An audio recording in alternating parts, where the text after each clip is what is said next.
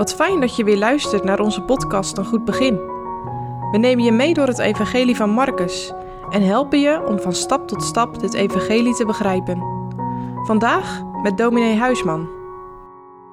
Wij lezen vandaag Marcus 15, vers 42 tot en met 47, de begrafenis. En als het nu avond was geworden, terwijl het de voorbereiding was, welke is de voorsabbat, kwam Jozef, die van Arimathea was, een eerlijk raadsheer, die ook zelf het koninkrijk Gods was verwachtende, en zich verstoutende ging hij in tot Pilatus en begeerde het lichaam van Jezus. En Pilatus verwonderde zich dat hij al reden gestorven was. En de hoofdman over honderd tot zich geroepen hebbende, vraagde hem of hij lang gestorven was. En als hij het van de hoofdman over honderd verstaan had, schonk hij Jozef het lichaam. En hij kocht fijn lijnwaad, en hem afgenomen hebbende wond hem in dat fijne lijnwaad. En legde hem in een graf, het welk uit een steenrots gehouwen was, en hij wentelde een steen tegen de deur des grafs. En Maria Magdalena en Maria de moeder van Jozef aanschouwden waar hij gelegd was. Wat een belangstelling voor het lichaam van Jezus. Eerst zijn het de Joden, zoals wij weten door Johannes, die Pilatus vragen om de benen van de gekruisigde te breken en hun lichamen van het kruis te nemen voordat de Sabbat begint. Want wanneer de lichamen het kruis zouden blijven hangen, zou de Sabbat ontheiligd worden. Voor de Joden een teken van de vloek, om lichaam aan het kruis te laten hangen. Ze zijn blij dat die gehate Jezus eindelijk uit de weg is geruimd.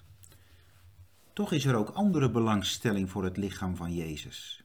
Belangstelling van een klein groepje mensen, welke Jezus tot zijn sterven hebben gevolgd.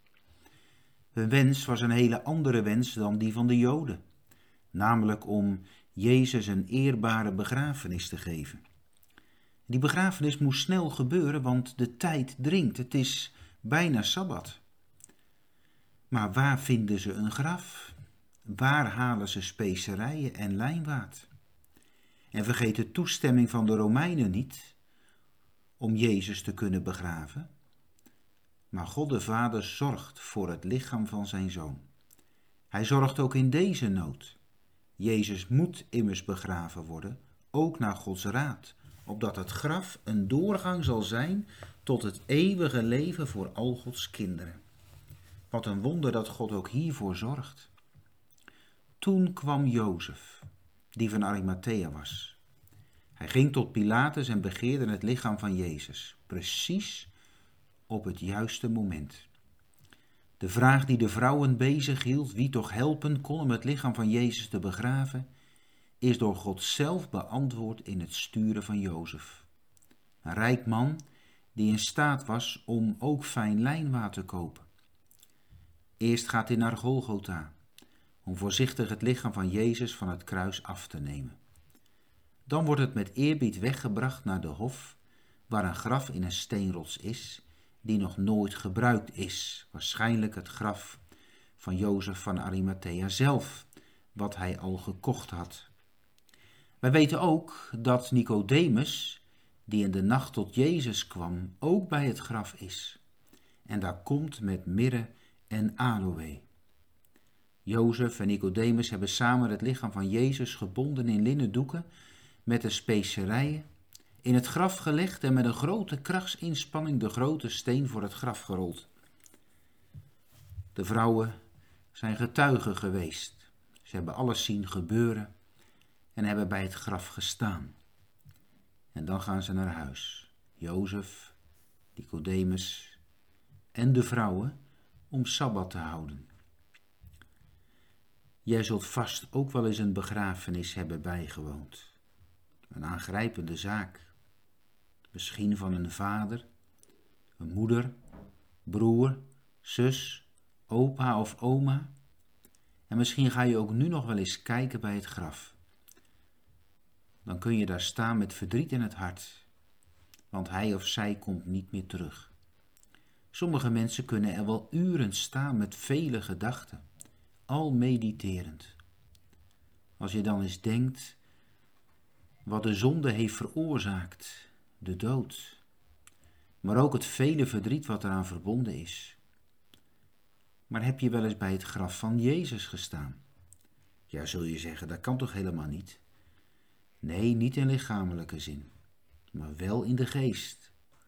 Misschien op Goede Vrijdag onder de preek.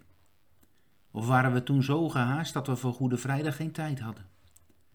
Staande bij het graf van Jezus, wat niet een einde heeft.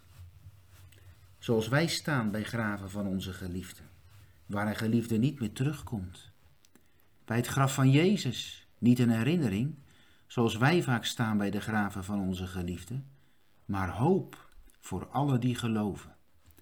Heb je zo wel eens bij het graf van Jezus gestaan, wel eens door het graf heen mogen zien? Dan geldt voor al Gods kinderen die nog leven dat het voor Sabbat is.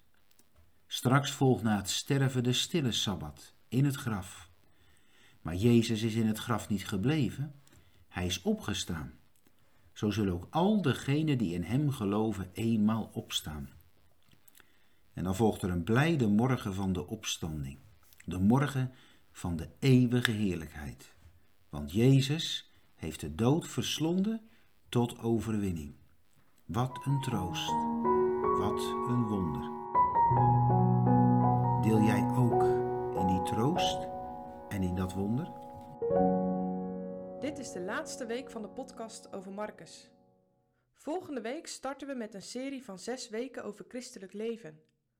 Abonneer je vast op deze serie in jouw favoriete podcast-app en blijf verbonden.